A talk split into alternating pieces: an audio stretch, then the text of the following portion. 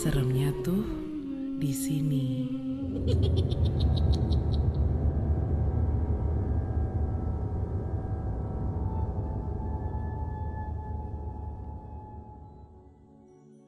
Rezeki gue banget nih, dapat kos di daerah Tebet cuma 750 ribu aja.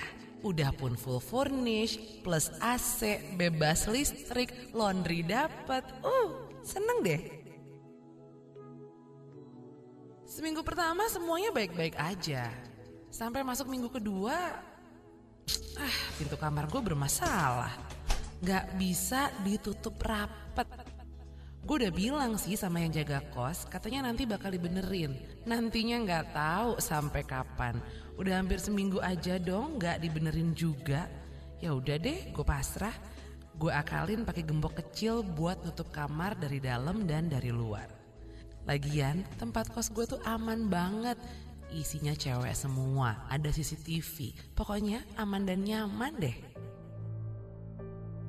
Malam itu gue pulang sampai kos sekitar jam 12-an. Sampai depan kamar, wow, pintu kamar gue udah normal lagi. Akhirnya.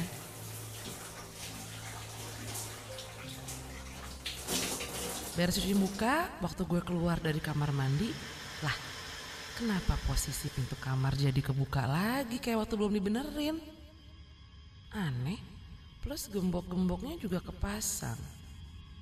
Aduh, kenapa sih? Akhirnya gue samperin pintu kamar gue. Terus gue coba tutup. Eh, kok nggak bisa? Dan dan waktu mau gue buka, loh, kok pintunya malah malah nggak bisa kebuka? Aduh, kenapa sih ini pintu? Mana udah tengah malam lagi. Tiba-tiba gue denger ada suara langkah kaki yang diseret. Suara itu makin lama makin jelas di telinga gue. Saat itu bulu kuduk gue langsung merinding. Siapa coba malam-malam gini? Terus, terus kenapa langkah kakinya diseret gitu? Dan, dan tiba-tiba pintu kamar gue ada yang ada yang ngetok. Gak lama ada kaki yang muncul di sela-sela pintu kamar gue yang gak bisa ketutup kakinya kakinya pucat dan dan kotor. Waktu gue lihat ke atas, ternyata ternyata itu kuntilanak. Ya!